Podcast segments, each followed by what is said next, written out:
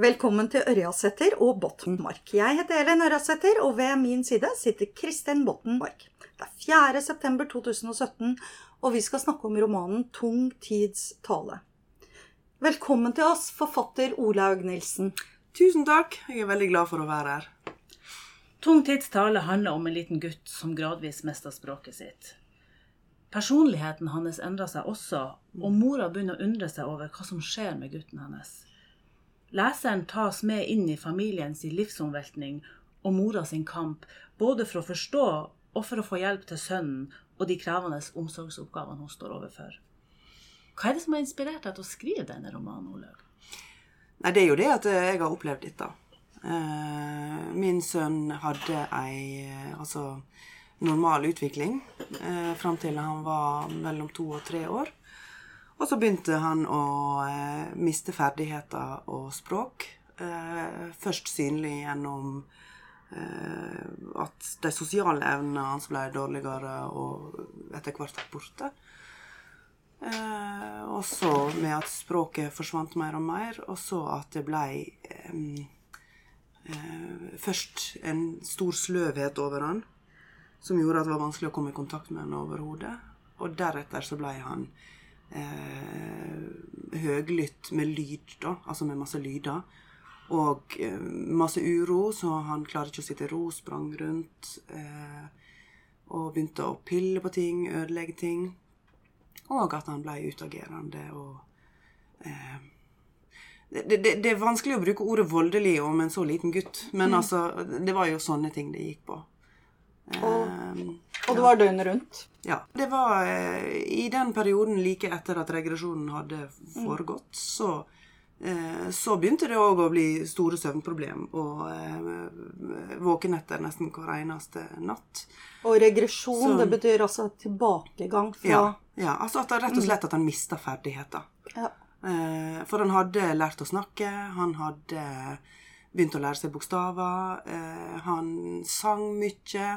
Og han, og han eh, framsto for oss foreldre sosialt normal. altså for sin alder, da. Mm. Eh, i, både når han var ett og to, og så liksom begynte det å, eh, å bli annerledes og sosial oppførsel. da. Uh, og vi veit ennå ikke den dag i dag hva det var som skjedde inni hjernen hans. For mm. det, det, det, det veit ikke vitenskapen. Nei, og hvorfor dette, dette skjer. Jo, dette er jo beskrevet i, på en utrolig gripende måte i boka, mm. i boka, det. Og det er jo en kjensgjerning at dette, dette, er jo en diagnose som eksisterer. Ja, Dere er ikke de første i verden Nei, som opplever det. Mm. Men det opplevdes sånn da, mm. fordi at uh, de som eh, utreda Daniel, som han heter, og bruker navnet Daniel i boka, han mm. heter Daniel um, de, jeg, jeg, tror ikke at de første vi var i kontakt med, var klar altså Enten var ikke de klar over den diagnosen, eller så syntes de at den var uvesentlig eh, for oss og for Daniel å bruke. Mm. Eh, diagnosen heter annen disintegrativ forstyrrelse i barndommen, og den er en del av eh, eh diagnosene på autismespekteret. Mm. Eh, nå er det jo en del diskusjon om hvordan autismespekteret skal eh, diagnostiseres framover. Om alt skal bare hete autisme, eller om en skal beholde de liksom, underkategoriene som en har. Men annen disintegrativ forstyrrelse i barndommen, den fins fremdeles, og den diagnosen har Daniel. Mm. Eh, og den beskriver da Altså den, den, er satt for å beskrive nettopp den typen forløp for et, eh, et barn med autisme. Eh, og for oss var det jo viktig selvfølgelig å bli trudd og forstått på at dette faktisk hadde skjedd. Mm. og nå i dag så er jo jeg klar over at ja, det, det, er sant at det har ikke så mye å si.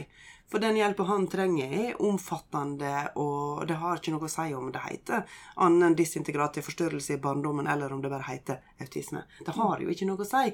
Og da jo, kan jo jeg tenke tilbake til de som utreda han, og tenke at det visste de. De visste at det ikke har noe å si. Men for oss var jo det likevel enormt viktig, fordi en sånn erfaring er um, Ja, det er en tøff erfaring å oppleve. Og vi skjønte Altså, og ikke forstå det heller, da. Sant? Altså, mm. og, eh, og, det gjelder jo for mange som får autismediagnoser på sine barn, at det at en ikke har fullgode forklaringer mm. ennå mm. på hvorfor eh, barn har eller får autisme, det er krevende å forholde seg til, og det åpner òg for store muligheter til egne spekulasjoner Ja. og til eh, alternativ Ja, ikke sant? Og det er Så, så det er um, eh, Og det er jo med på å gjøre erfaringa krevende. Sant? Altså at, at en forhold, må forholde seg til andres fortellinger om sine erfaringer, og så føler en skal prøve alt som andre har prøvd for å oppnå en eller annen slags bedring. ikke sant? Så, så um, Ja. Mer kunnskap om, eh, om autisme hadde jo vært eh, letta for mange, tror jeg, altså. Den prosessen av å både oppleve en sånn type regresjon, men òg å um, skulle omfavne den nye virkeligheten og forholde seg til den nye virkeligheten og forstå hva Nå er det det vi skal i gang med. Nå er det det her som er våre vilkår. Men altså, når en går der og uh, istedenfor um, prøver å finne en årsak, eller f- liksom Ja, vil tvinge fram en forklaring som en aldri kan komme til å få. Mm. Og det er jo en, en, en rystende erfaring. Ja, det Det Det er, du du Ja. mister barnet ditt inn i noe som du er totalt uforberedt på, Mm. eh, og som er et, eh, et voldsomt tap. Ja, det er det. Det er det. Det er jo det. Eh, Jeg kjenner jo igjen mye av det du beskriver. Eh, Jeg har sjøl ei datter, Selma, som nå er 18 år. Så hun er også da blitt voksen, eh, men bor fortsatt hjemme hos mor og far. Hun er også utviklingshemma og har autisme. Og det samme har på en måte skjedd med henne. Vi har også mista dette barnet som vi kjente som et annet barn, Ja. eh, inn i noe eh, som vi har brukt veldig mye ressurser på å finne ut hva er det Hva er det egentlig? Mm. Så jeg kjenner veldig godt igjen den derre eh, både erkjennelsen, men også eh, tapet. Ja. Eh, og det jakten på svar på hva var det som skjedde. I tillegg til alt dette andre som er det at man prøver, basert på andres erfaring. Alt ifra tranolje til, til lange turer i skogen, og alle de på en måte mm, eh, innspillene vi får til hva som kan hjelpe for dette barnet, basert på andres erfaring. Og lenge i et forsøk på faktisk å gjøre barnet friskt. Eller normalisere, renormalisere dette barnet i, i håp om at det nærmest var noe forbigående. Ja, ja. Eh, og det er jo en, på en måte en, en slags rom man da lukker seg inn i, eh, for kanskje å ikke måtte erkjenne det til syvende og sist som er realitet, at sånn er det Ja. Ja. Eh, og jeg tenker at jeg kjenner jo derfor også igjen dette med et liv med våkenetter og uro og utagering, og en tilstand av å alltid være på alerten. Ja. Eh, I et forsøk kanskje på å ligge foran det som kan komme til å skje. Og så er det alle møtene og utredningen. Noen er initiert av en sjøl, annet initiert av ulike aktører i systemet. Eh, der er jo mye faginteresser ute også og går, der man skal forstå hverandres fag og hverandres på håndtering av dette kanskje uforståelige eh, barnet. Eh, I hvert fall i en, i en fase av det. Eh, og så har jeg midt oppi det opplevd at veldig mange av de fortellingene jeg har lest om livet med et utviklingshemma barn, har vært prega mye av sånn Jo da visst er det vanskelig, men eh, gleden er større enn byrden. Og for meg har det også bidratt til litt ja, til ganske mye sorg, og i hvert fall en opplevelse av utilstrekkelighet. For hvorfor kjenner ikke jeg det sånn? Hvorfor kjenner ikke jeg at dette er en, en større glede? Um, og i det ligger det jo også en, en skamfølelse. Ja. ja. Eh, men for meg så retter din roman opp i veldig mye av det. Nei, det er jeg glad for. Eh, Det jeg glad Og, det, og den gir meg rett og slett muligheten til å være ærlig med meg sjøl om min egen situasjon. Den, den, den, den skrikte jo på en måte ut i store bokstaver. Og mitt sinne, som jeg kanskje har undertrykt, får nå lov til å leve ut gjennom å lese boka di. Så jeg leste boka di med veldig høy puls og kjente at nå får noe av det her utløp. Ja, jeg er veldig glad for altså. Ja. Veldig glad for det. Fordi at du beskriver jo rett og slett bare veldig rett frem hvordan det er. Veldig sånn utilslørt. Sånn er det. Og på sett og vis gjør det det lettere også å akseptere sin egen situasjon. For meg, at Ja, sånn er det. Det kunne vært sånn. Det er, ja, det er tap. Det barnet hadde, er borte. Mm. Eh, Men hun er det hun er nå, og sånn er det for oss. Mm. Um, men du skriver også en del av disse kamparenaene, ja, Ja, eh, som, som er disse møtene Mm. om barna våre. Eh, ofte handler det om å få hjelp Ja. til å rett og slett klare den, det man står oppi. Eh, og du har en del gode beskrivelser av sånne kamparenaer. Mm. Kan ikke du lese litt Jo. for oss? Det kan jeg. Skal vi se.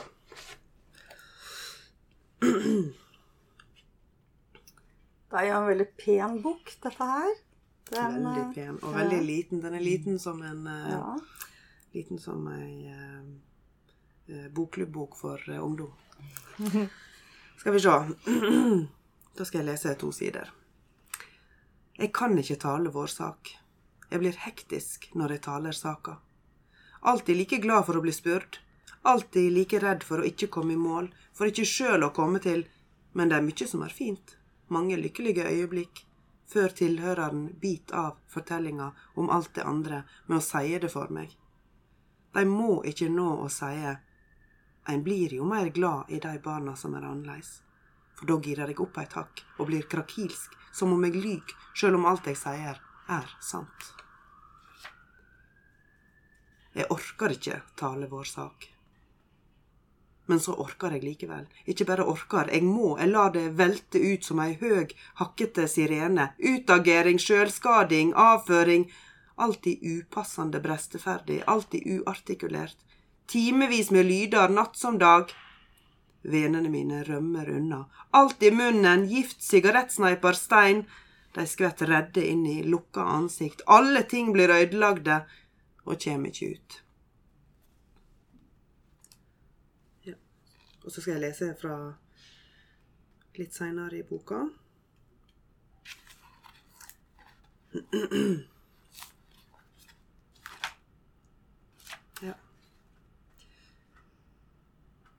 Du springer framfor meg, snur og springer mot meg, vil hoppe opp og ha beina rundt livet mitt.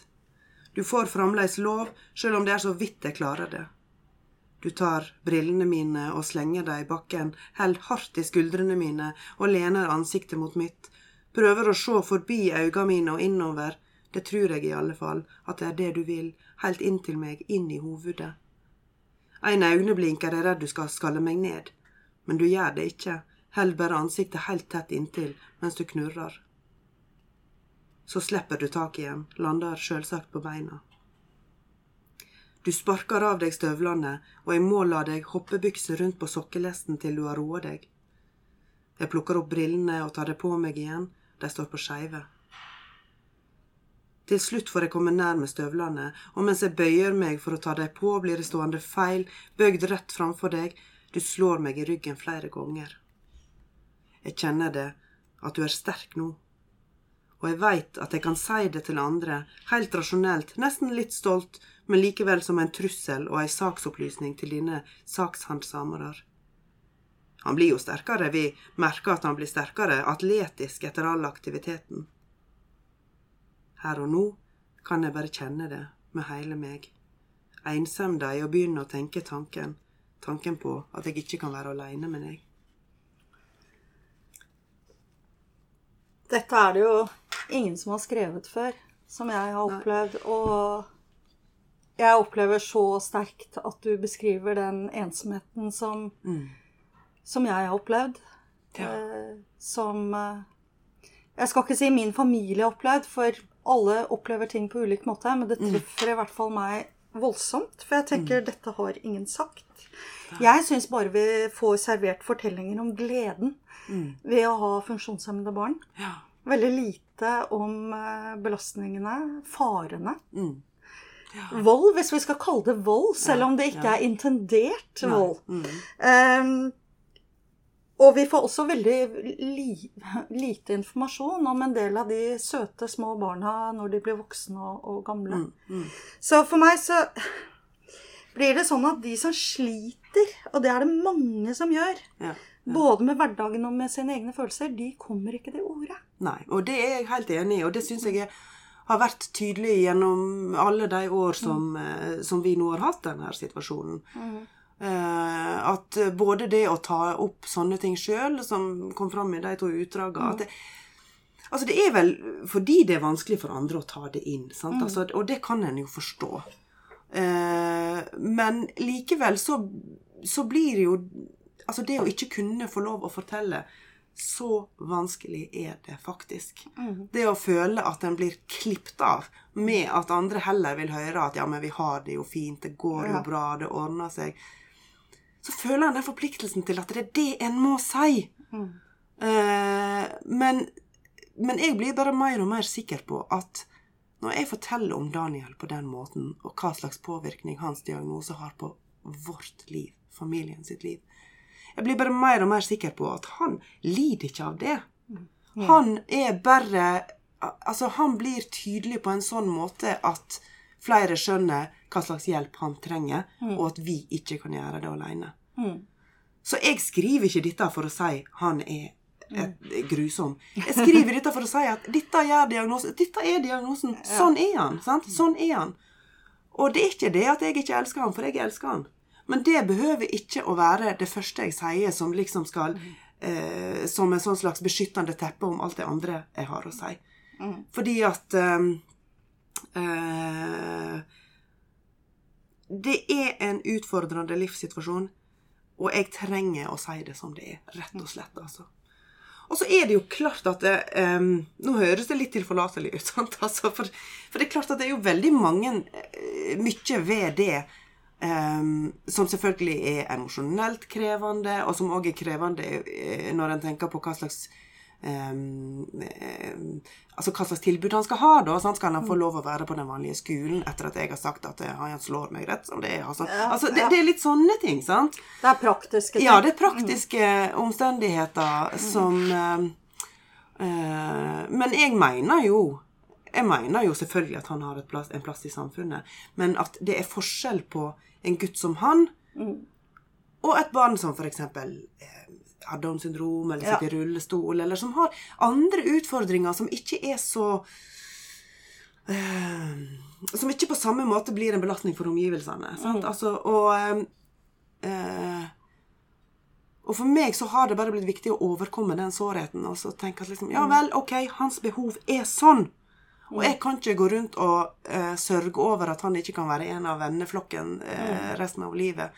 Jeg må, bare, jeg må heller prøve å finne ut hvordan jeg skal gjøre det best mulig for at han skal ha det bra, uten at noen blir eh, skadelidende. Så da er du inne på, på noe mm, nettopp de andre eh, nære her. Um, eh, for jeg er jo ikke bare Selma sin mor. Nei. Eh, og du, Olaug, er jo heller ikke bare mor til Daniel. Nei. Begge to har de søsken. Eh, og sjøl husker jeg veldig godt da Selma si storesøster sto ved kjøkkenbenken og spiste med ryggen til oss andre som satt ved middagsbordet. Eh, hun snudde ryggen til, for at hun Selma hun begynte å brekke seg, og hun brukte å kaste opp under måltidene. Så det er jo fullt forståelig at ei tenåringssøster da ikke hæres å sitter ved bordet.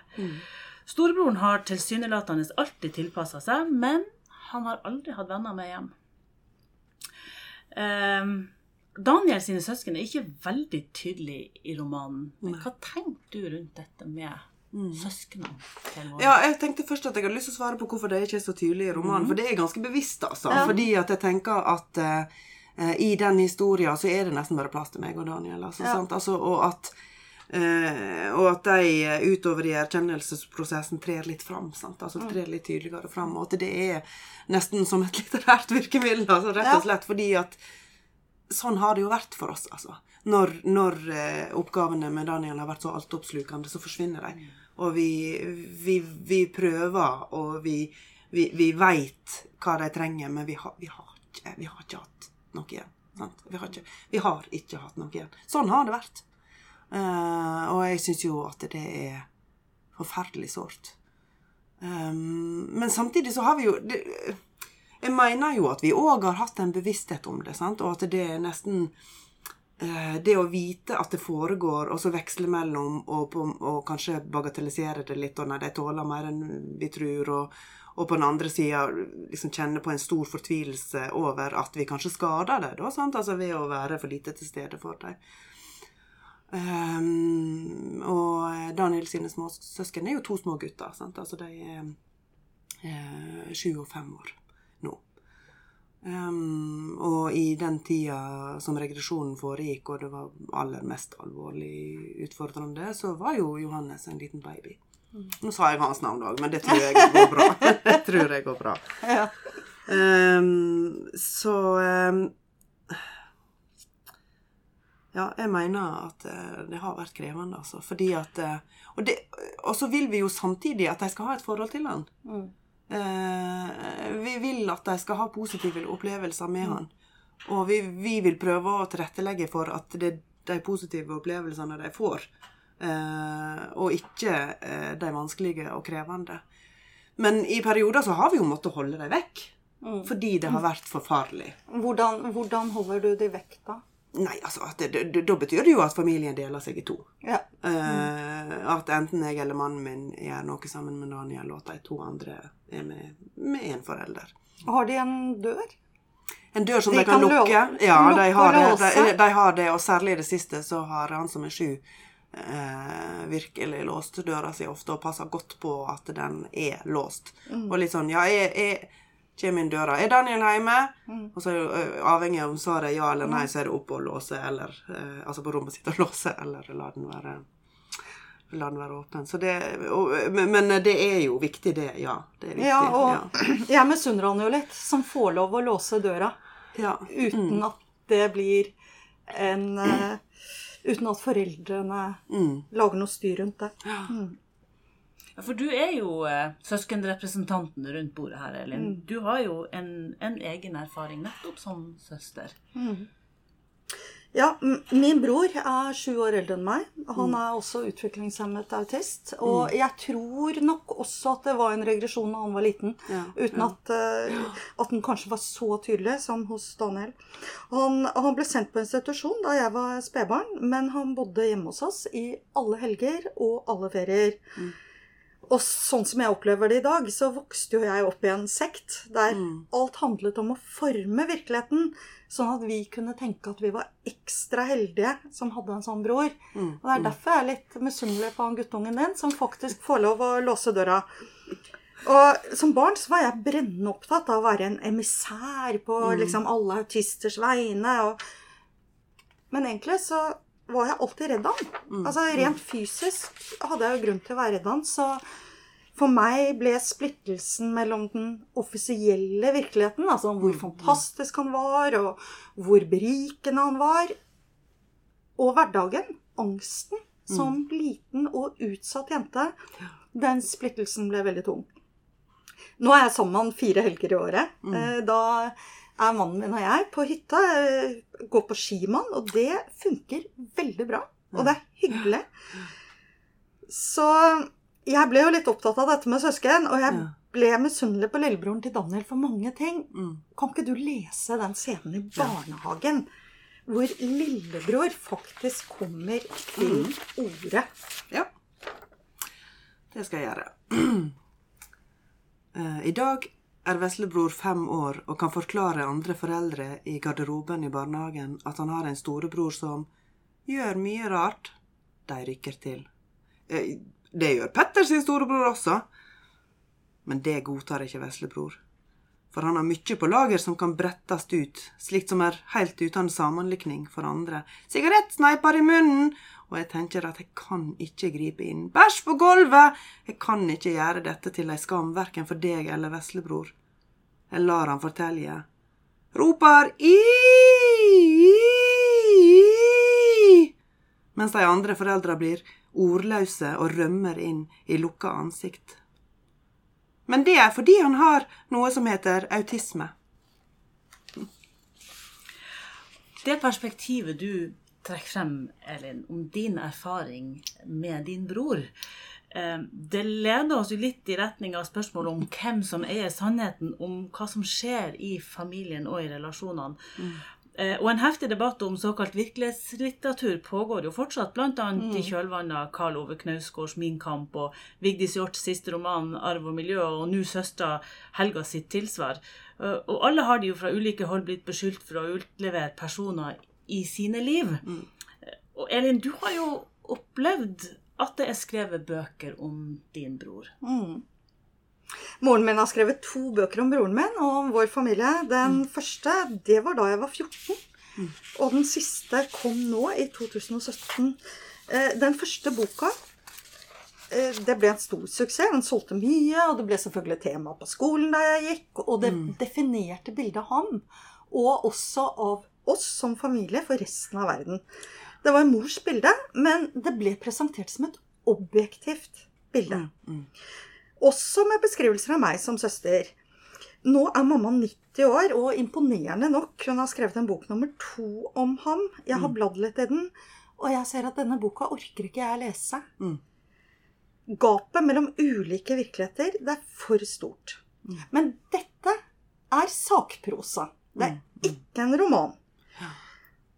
Og akkurat som folk kan føle seg kidnappet av en roman når de leser om seg selv i en roman på en måte som føles urettferdig, så kan man faktisk føle seg ganske så kidnappet av sakprosa også. Du må ha tenkt på dette, Ola, når du skrev. Uh, ja, det har jeg. Eh, det har jeg jo gjort, selvfølgelig. Og uh, uh, utifra, Altså først og fremst ut fra et litt annet perspektiv enn det du nevner. Fordi at eh, Daniel kan ikke forsvare seg. Du kan forsvare deg. Eh, du kunne ikke, kanskje ikke det når du var 14, men du kan det nå. Men, men, eh, men Daniel kan ikke forsvare seg. Han har ikke språk. Han er avhengig av at jeg skal være hans stemme. Eh, og når jeg da bestemmer hva jeg skal skrive i den boka om han, så er jo det lett å tenke at det er et overgrep mot han og hans integritet, hans personvern. Ehm, så det er, altså for å være helt ærlig, det er det jeg har bala mest med. Det er Ja. det jeg har slitt mest med, altså. Eh, og så har jeg òg tenkt på, når jeg skriver om helsepersonell som vi møter, at de har taushetsplikt. De kan jo heller ikke forsvare seg, sant? Altså mot måten jeg, eh, mot måten jeg legger dette fram på. Um, sånn at uh, når uh, For jeg begynte med Altså uh, jeg, jeg søkte jo penger for å skrive en dokumentar sjøl. Eh, og hadde lenge tenkt at det var det jeg skulle gjøre, og, og, og, og, og, var opptatt av at jeg ville liksom nå, vil, nå vil jeg si dette som det er. Sant? Altså, at, det var, at det var det som var liksom tilnærminga, og at jeg derfor tenkte at jeg måtte skrive det sånn som det hadde skjedd. Men eh, eh, så merka jeg jo når jeg holdt på at Ja, for det ene er jo at selvfølgelig er det min versjon. Mm. Eh, og det at jeg ikke At jeg heller ville skrive min versjon og bruke et litterært språk eh, enn å gå rundt og faktasjekke og liksom å innhente at alle skulle være enig i hvordan jeg oppfatta enhver situasjon. Um, så det var nå det ene. Men så merka jeg jo òg når jeg holdt på med det, at, eh, at jeg måtte forme det litt. Sant? Altså, for jeg ville at det skulle være leselig. Jeg hadde i, lenge noen lange sekvenser med, med skikkelig rasende fortellinger fra hvor, hvordan jeg syns at Nå ler jeg av det, men det er ikke egentlig morsomt. Men hvordan jeg syns at eh, mannen min og meg og familien ble på en måte trykka ned av forskjellige hjelpe, Ja. hjelpesituasjoner. Men så fant jeg bare ut at dette er for dette er, Det er kjedelig bare å snakke om det, altså. Sant? altså så, og at det ville i så fall være mer et behov som jeg hadde liksom, for Ja. å få, få ut raseriet. Mens eh, det, når jeg isteden forma det litt, bytta litt grann ut på eh, hvem som sa hva, og hvem som gjorde hva, for å skape en helhet som det går an å komme gjennom, da, så syns jeg jo det funker bedre for å kunne klare å si flere ting. Flere enn én ting. Men når det gjelder det der med å utlevere andre, så ja, det er, eh, det, er ikke noe galt med å diskutere det igjen og igjen og igjen. Og det å sette ulike versjoner opp mot hverandre er jo òg eh, viktig å gjøre. Sant? Altså for, å, for å hele tida ha en refleksjon og en bevissthet. Men jeg mener at hvis vi slutter å fortelle om hvordan vi sjøl opplever en situasjon, så åpner vi jo for eh, maktovergrep. Ja. Så vi har ikke noe valg. Nei. Sånn må det være, altså. Eh, og så må vi òg huske på, vi som har posisjon, og som har makt, for jeg innser jo at jeg har det. Jeg uh, har et navn fra før. Jeg kan skrive ei sånn bok og få oppmerksomhet rundt den, og da blir jo min versjon plutselig veldig tydelig, sant? Uh, og når jeg Altså, jeg tror det er en fordel at jeg veit det. Og at det gjør det lettere for meg å huske på at andre har sine historier, og ikke prøve å trykke ned noen andre historier for å framheve min egen. Men likevel være trygg på at ja, dette, er også, dette skal òg kunne gå an å fortelle. Så eh, ja, men ja, jeg har jo tenkt mye på det. Jeg har reflektert veldig mye rundt det. altså. Det, det har jeg, altså. Og det er jo problemet når man skriver om familiemedlemmer, at du tenker hvilke konsekvenser får dette? Ja. Jeg skrev en baksidetekst i Morgenbladet om broren min uten å nevne navnet hans. Og så opplever jeg jo at andre skriver navnet hans Ja, fordi ja, moren min hadde gjort han til en offentlig person fra før. Så liksom disse tingene Det blir veldig vanskelig. Du har jo også skrevet en bok om Selma. Mhm, det har jeg. Hva tenkte du rundt disse tingene? Dokumentar, roman, hva var det for noe? Ja, nei, jeg, jeg- tenkte nok eh, mer eh, sakprosa, og også det å beskrive på noen sånne scener fra virkeligheten. Jeg var nok mer der eh, som du beskriver at du ikke har vært. Jeg, eh, når jeg leser den nå, så ser jeg jo at jeg har skrevet ting som jeg ikke ville skrevet i dag, for jeg er på et annet sted. Men sånn er det jo. Alt blir jo til i sin eh, kontekst. Eh, og det går mye på dette her med at jeg nok har skrevet ut mer av det som du refererte som det som kanskje var nesten sånn selvterapeutisk. Ja. At jeg må, jeg må fortelle hvordan det egentlig er å være meg i møte med både interessekonflikter, profesjonskonflikter, mm. det å være den lille. Altså man sier Avmakt fikk for meg en helt ny og, og mye mer reell betydning. Jeg hadde skjønt begrepet som sosiolog, men hadde aldri erfart det fullt ut. Um, og det forteller jo også at man, man skriver jo da disse tingene ut. Eh, er jo mye, mye sintere egentlig i dag. Derfor så, så resonnerer jo på en måte boka di så godt med meg. For at nå får det klangbunn. Nå får den som jeg ikke turte sjøl å skrive ut, Ja. eller kanskje ikke kunne skrive det ut den gangen, nå får det slippe ut fra meg gjennom boka di. Derfor er jeg ekstremt takknemlig for at du faktisk har skrevet denne, sånn at jeg får lov til å delta i samtalen om hvordan det egentlig er, eller hvordan det også Ja. er. Ja. Ja. ja. Men jeg har jo ikke hatt dette med posisjon, så jeg har jo tenkt mye på dette selv nå. er jo det at hun sier dette er boken om meg. Eh, og det har hun på en måte Hun lever i, på sitt vis godt eh, med det, og jeg angrer ikke på at jeg utleverte henne i den forstand. Nei. Men så er jo hun også beskytta av at jeg ikke hadde en posisjon. Mm. Eh, Jeg var bare en vanlig mor. Jeg hadde ingen Det ligger sånn sett ikke den faren for den type gjenkjennelse som du refererte til, Elin. Eh, For, mm, for det er jo noe at du har jo også en posisjon opparbeida gjennom mange år som nettopp ja. mangeårig forfatter. ja, og som gir din bok en, en tung oppmerksomhet nå. For du, du var jo norsk litteraturs wondergirl, vil jeg si, på 2000-tallet. Du var veldig ung, du debuterte i 1998, og bøkene kom som perler på en snor Mm. til den siste i 2005. Og så ble det stille. Mm. Før det kom et brak tilbake med teaterstykket Stort og stygt i 2013. Det ble en kjempesuksess. Og det gjorde et sterkt inntrykk. Det var et utrolig flott stykke. Kan du fortelle litt om de tidligere bøkene dine, og reisen fram til den forfatteren du er i dag? Ja. Ja. Men ja Jeg sier ja. Ja, altså, men du er vil ikke. sånn der- Du nei, kan det la være. Ja, eh, jeg vet ikke om det så- Altså, de, de, de første bøkene mine handler jo mest om studentliv. og det er jo greit nok, det, men det, det er lenge siden. Sant? Altså, og, og eh, det som og For jeg var jo i, studentalder når jeg skrev dem. Eh, og eh, den mest kjente av bøkene er 'Få meg på, for faen', som fikk en, en- den fikk jo en enorm oppmerksomhet pga. skildringene av seksualitet fra altså en 15-årings seksualitet. Eh, og det var jo jeg altså, Jeg var helt uforberedt på det. Så, sånn at eh, har nok Det som har skjedd i mellomtida, da, og grunnen til at det har gått mange år eh, siden den, og jeg gjorde noe mer eh, Det ene er jo selvfølgelig at jeg ble mor og fikk en helt annen livssituasjon og måtte komme gjennom en bearbeiding av det. Men det andre er jo at jeg måtte håndtere Jeg måtte håndtere eh, mine egne følelser rundt den utgivelsen og den oppmerksomheten som det fikk. Sant? Jeg måtte finne ut jeg, hva- Hvem er jeg nå? Hva, hvem ble jeg nå når jeg gjorde dette? For jeg var uforberedt på det. Og en, eh, en ting som du glemte å nevne, kanskje fordi det ikke fikk så mye oppmerksomhet, men jeg skrev en bok om Sigvart Dagsland. Gjør du det? Ja, det Ja, gjorde det jeg. det helt nytt jeg jo.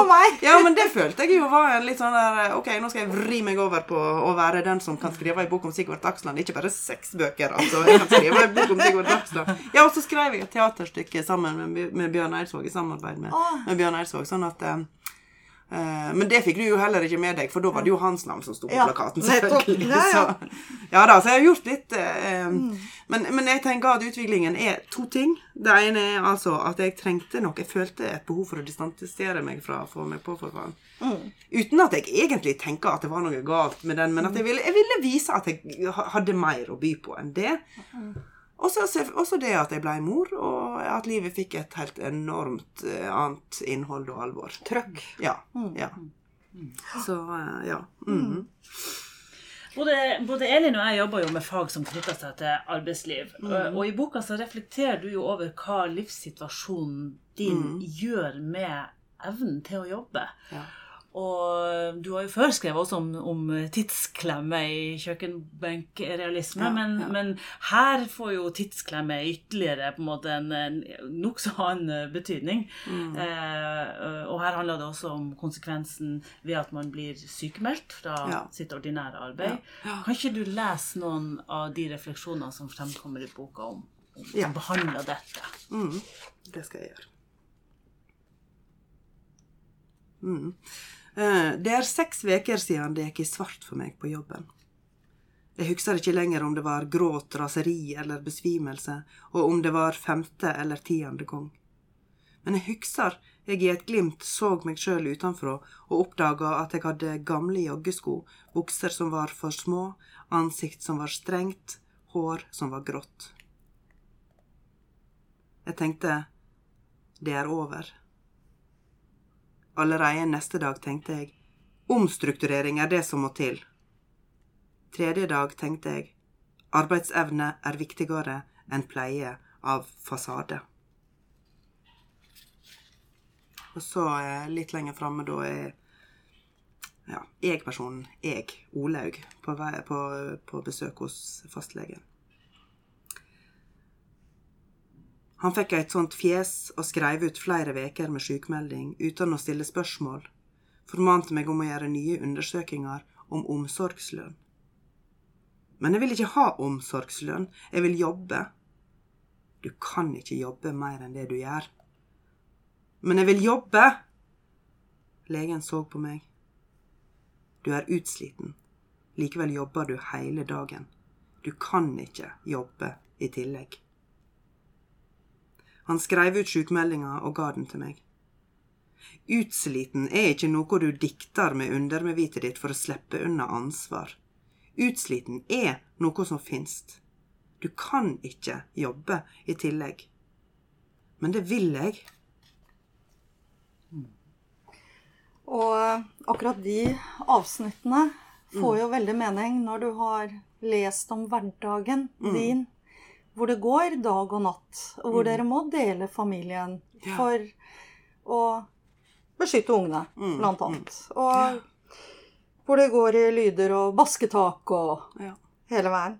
Du, men hovedpersonen i boka, Mm. eller deg, eller hva jeg skal kalle det Ja, men dette, er det, det vil Ja. være glidende overganger. er glidende. Ja. Mm. Men hovedpersonen søker om omsorgslønn Mm. for arbeidet med å ta seg av sønnen. Ja. For meg blir jo spørsmålet heller, da Hadde det ikke vært bedre om foreldrene søkte sønnen inn på en egnet institusjon? For det står jo ikke menneskelig makt Mm. å klare så store omsorgsoppgaver. Nei. Og det er jeg enig i. Men, eh, eh, men jeg syns at det er flere sider av det, da. Eh, og eh, Ja, nå vet jeg ikke helt hvor jeg skal begynne. Men jeg kan begynne med Bergen kommune, som jeg bor i. For at jeg har eh, Jeg kan jo godt si at jeg har søkt om omsorgslønn. Men jeg har ikke søkt om at jeg skal ha fulltids omsorgslønn. Jeg har søkt om at jeg skal ha det liksom eh, for å kunne ha ei prosentstilling istedenfor å ha ei fullstilling. Um, og fått avslag. Eh, Du har fått avslag. Jeg har fått avslag, Ja. ja. Eh, og jeg har sendt inn klage, så jeg får sikkert et brev med svar på klagen i disse dager. Så får vi se. Men i Bergen kommune så er det veldig få som får omsorgslønn, og Bergen kommune vil heller gi avlastning og øke avlastning. Avlastning betyr at Daniel da flytter til en institusjon Ja. for noen dager om gangen. ja. Nettopp. Ja. Eh, og Bergen kommune vil heller bruke det, Mm. det enn å gi omsorgslønn. Og det har de sikkert gode, mange gode grunner til. Og en av saksbehandlerne som jeg har snakka med, eh, mener jo at omsorgslønn er en dårlig løsning for foreldre som oss. Fordi, Fordi, det, det, er for, har det, er for lite penger. Ja. Uh, men òg det at, uh, at avlastning er en bedre løsning. Mm. Uh, at de mener det. De mener at dere trenger å ha fred noen dager i måneden. Ja, ja. Men det tar litt tid for foreldre å bli enig i det, ikke sant? Eh, for sjøl om Altså, jeg Jeg snakker om meg sjøl, da. Nå snakker jeg om meg sjøl, og ikke om eh, det som er destillert i boka. Eh, jeg veit at vi må øke avlastning framover eh, jo eldre Daniel blir. Jeg skjønner jo at det er sånn. Jeg skjønner at det er sånn. Jeg veit det. Um, men jeg vil òg at, at vi skal være i stand til å ta oss av han. At vi skal være eh, i stand til å ha et foreldre-barn-forhold til han. Eh, og, at vi, og det betyr at vi òg må være i stand til å gjøre de konkrete oppgavene som omsorga for han krever. Det mener jeg, altså. At vi, jeg må kunne klare å stelle han. Jeg må kunne klare å håndtere han, altså i i utagering, f.eks. Og jeg må Altså, jeg vil ha det òg. Men jeg innser at jeg kan ikke være bare det. Det kan ikke være det ene Altså, det, det, det, Jeg har ehm, Først og fremst fordi det er umulig å klare det. Det er for mye. Altså På institusjonen det, så bytter de jo, sant. Altså Da har de jo en bestemt arbeidstid, og, så, så- og, og, og det, det gjelder jo alle vernepleiere og assistenter som jobber med, med psykisk utviklingshemmede. De har jo en viss arbeidstid, de har rett på pause. Mens i, i vår virkelighet så er jo ikke det så lett alltid å få den pausen som de trenger. sant? Ja, ja. så, Så, har du jo mm. Og så har jeg to barn i tillegg. Du har to barn i tillegg, og så er det jo også at eh, med Daniels type funksjonshemming, Mm. så kan det jo hende at eh, de er flere på vakt for å ta seg av han. Altså, Du nevner Ja, ja. stellesituasjon, Ja ja. Mm. skifte bleier, vaske. Ja. Det er faktisk vanskelig å gjøre når du er eh, alene. Ja, for, Du- for da er det det vi gjør. sant? Da er det bare det vi gjør. Da er det det som er fokuset. Du, Så, du ja. har noen fantastisk beskrivelse av opplevelsen av det med institusjon. Mm. Kunne du tenke deg å lese side 16 og 17? Ja. Jeg skrev søknad om mer avlastning på institusjon samtidig som det sto leserinnlegg i avisene om at det beste for det funksjonshemma barnet er å få hjelp i heimen, slik at det kan få kjærleik og samhold med foreldre og søsken. Leserinnleggene sammenligna institusjoner med fengsel og holdt fram familien som synonymt med tryggleik og varme. Dette er ei heilt vanlig oppfatning som det er umulig og utilrådelig å snu, så du burde ikke vippe noen av pinnen. Heller ikke meg. Jeg søkte om 50 døgn i halvåret. 50 døgn i halvåret på en institusjon. 50 døgn i halvåret vil si 100 døgn i året. 100 døgn i året er 27,4% av årets døgn. På en institusjon. Institusjonen heter Solgløtt. Solgløtt er nøkternt innredd, linoleumen er grå, soverommet har bare seng og skåp og ei gardin som er festa med borrelås, slik at ingen kan skade seg på å forsøke å rive den ned. Stova har skinnsofa som det er lett å tørke av. Kjøkkenet har sikkerhetsklips på alle dører. Uinnvigde vil gråte når de går inn der, slik som jeg gjorde første gangen jeg kom. Her bor barn. Enda jeg alt da visste at det var bra. Det kan ikke være for mye stimuli, kan ikke være for mye som kan ødelegges. Kos er ikke det samme for deg som for meg. Ja. Dette er vanskelig å forstå for folk som ikke opplever det. Ja, det er det. Det Ja, er jo det. det, Jeg det altså. syns det er en Det er litt sånn at man vet ikke hvor man skal begynne, og nettopp derfor er jeg så utrolig takknemlig for Mm. denne boka. Du har jo gitt oss et språk. Mm. Eh, Kristin, du har skrevet boka 'Raushetens grenseland'. Jeg har eh, skrevet én artikkel i Morgenbladet. Moren min har skrevet to bøker Mm. om min bror. Og du har nå skrevet både teaterstykket 'Stort og stygt' og denne boka. Er det skummelt å utgi bøker om så nære familierelasjoner? Uh, ja, det er det jo. Uh, og når eh, Stort og stygt kom, så uh, Så der har jeg jo gjort mye for å fjerne det fra, fra den dokumentariske virkeligheten. Men den gangen klarte jeg jo ikke å delta i markedsføringen. Var for, så, det var for skjørt for meg, altså. Eh, og da var jeg veldig nervøs for hvordan det skulle bli møtt. Men eh, nå har det gått noen år, og jeg har deltatt i offentlig debatt om, eh, om forskjellige emner innenfor denne omsorgs, omsorgen. Og, og jeg blir jo mer og mer trygg på at ja, men jeg, noen må ta det her perspektivet. Fordi ehm, hvis ikke så blir ikke omsorgen for barn som Daniel god. Mm. Hvis, hvis jeg skal Godt framstille meg sjøl som eh, at eh, liksom, Ja, men eh, dette klarer jeg, og ei mor gir aldri opp, og du henter krefter som du aldri trodde du ville ha Hvis jeg skal liksom klamre meg til de flosklene og holde de fram som et, liksom et skjold Det blir ikke noe bedre for Daniel av den grunn. Og det er ikke Det er nok riktig at i gruppa av funksjonshemma så er ikke det så mange som er så krevende. Men de fins òg. Mm. Og eh, jeg opplever at jeg taler deres sak, altså. Jeg taler deres sak, og jeg taler familiene sin sak. Mm. Um, og så er det blitt litt sånn for meg at jeg blir litt sånn der, Ja vel, ok, hvis noen vil si om meg at jeg er ei dårlig mor, ja vel, så si det, da. Det tåler jeg. For det kan være eh, Altså, jeg kommer jo aldri til å kunne vite eller si helt sikkert at um, ei annen mor hadde klart dette, liksom. Sant? Altså, jeg kan ikke vite det. sant? Jeg kan ikke, jeg kan ikke være sikker på om Uh, om det er jeg som er dårlig, eller han som er for krevende. Sant? Men det har jo ikke noe å si, det heller. For det viktigste er at han trenger en bedre omsorg enn det jeg kan gi. Og om ei annen mor står ved siden av og sier at 'ja, men jeg hadde klart det', så ja vel, ok, så hadde du klart det. Jeg klarer det ikke. Og det er Nei, jeg føler meg klar for å si det, altså. At sånn er det. Og eh, det klar, jeg kan sikkert få noen eh, våkenetter der jeg ligger og grubler over hva har jeg gjort nå, sant, altså. Men, men jeg, jeg blir så jeg, blir, jeg er så sikker på at dette er nødvendig, altså.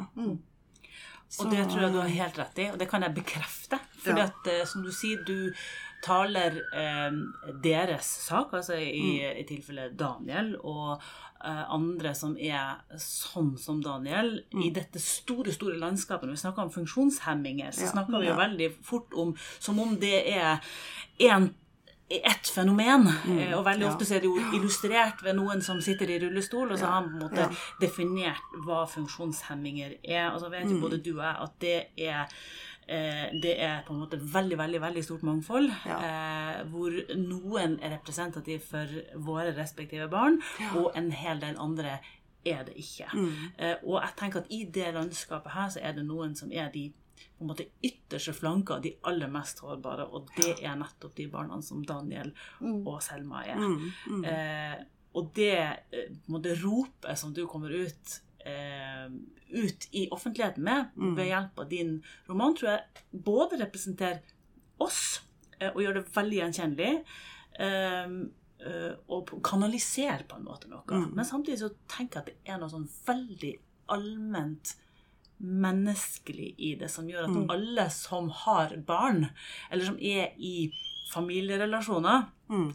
Og som av og til kan komme til å føle seg utilstrekkelige, Ja, det ja, vil ja. Ja. finne noe her Mm. som, som treffer eh, på, på, på viktige strenger. ja, det er jeg glad for. Ja. For eksempel, og det er bare for å oppfordre folk til eh, å lese, for det er også veldig morsomme partier her, med da Daniel og du møter en fremmelig liten toåring med en stolt far.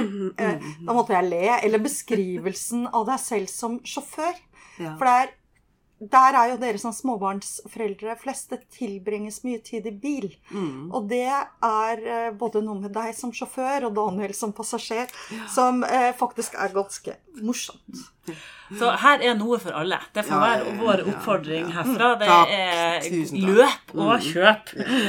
Ja, gjør det. Ja, ja. Så um, Ørjasæter og Botmark eh, takker Olaug Nilsen for at hun tok seg tid til å dele tanker om tungtidstale med oss. Og vi sender deg, Olaug, og boka di ut av studio med de aller beste lykkeønskninger. Men helt til slutt, Olaug, kan ikke du være så snill å avrunde denne samtalen? Ja. Da går jeg inn i en, eh, midt i en situasjon. Jeg lokker med ei rosin for å få deg ut fra trampolinen. Veit at enkelte synes jeg bruker forsterkere for ofte, men jeg har slutta å bry meg om fordømminga som ligger i påpekinga av dette. Du burde ikke gi han forsterkere så ofte. Nei vel, du er for utålmodig. Ja vel, du får ta den tida det tar. Det gjør jeg. Farvel, nå skal vi på biltur. Vi kjem oss i bilen. Jeg setter på musikk. Vi kjører av gårde som vi pleier. Jeg kjenner på at jeg ikke har ringt tilbake til Etat for barn og unge i dag, men kjenner blodet rase mot hovedet av tanken på diagnosen, så jeg skyver tankene vekk. Det nyttige raseriet har kommet etter din autisme. Det jeg hadde av sinne tidligere, resulterte aldri i iskald meistring, det ga bare auka hjelpeløyse. Jeg kan hugse episoder som fikk meg til å føle meg krenkt, men raseriet som følgde, fikk bare utløp i indre dialoger og baktaling sammen med andre med frynsete motstandskraft. Om jeg skulle prøve å ta igjen eller ta opp noe, så klarte jeg det ikke. Jeg seig i staden sammen ved hvert minste motargument og mista hver smule av autoritet jeg måtte ha. Men jeg tok jo også ofte feil. Krenkingene var som regel bare bagateller, situasjoner som jeg i dag tenker det var helt urimelig å bry seg med. Og jeg tar fremdeles feil. Jeg mistolker og misforstår i alle slags sammenhenger, og når det gjelder når det gjelder din tilstand, setter jeg sammen forklaringer basert på et sammensurium av prøveresultat og anekdoter fra internett, prøver meg fram, i blinde, mens hjelpeapparatet følger halvhjerta med i bakgrunnen. Det veit jeg jo. Du har autisme. Det er ei gåte, men det har skjedd før. Jeg har ikke autisme. Jeg er et normalt menneske med normale reaksjoner. Det er ikke noe gåtefullt med meg. Du nynner i baksetet. Jeg ser på deg, og du ser rett fram. Jeg tror jeg elsker deg, sier du. Jeg stopper bilen, skrur av musikken, snur meg. Jeg elsker deg også. Fremdeles ser du rett fram, rett inn i stolryggen framfor deg. Jeg skjønner brått hvor du har det fra, og syng. Jeg skrev i rutens morgendugg. Jeg venter, ser på deg, og du svarer. Jeg tror jeg elsker deg. Jeg held fram. Men våren kom, og isen gikk, og hun seilte sin vei.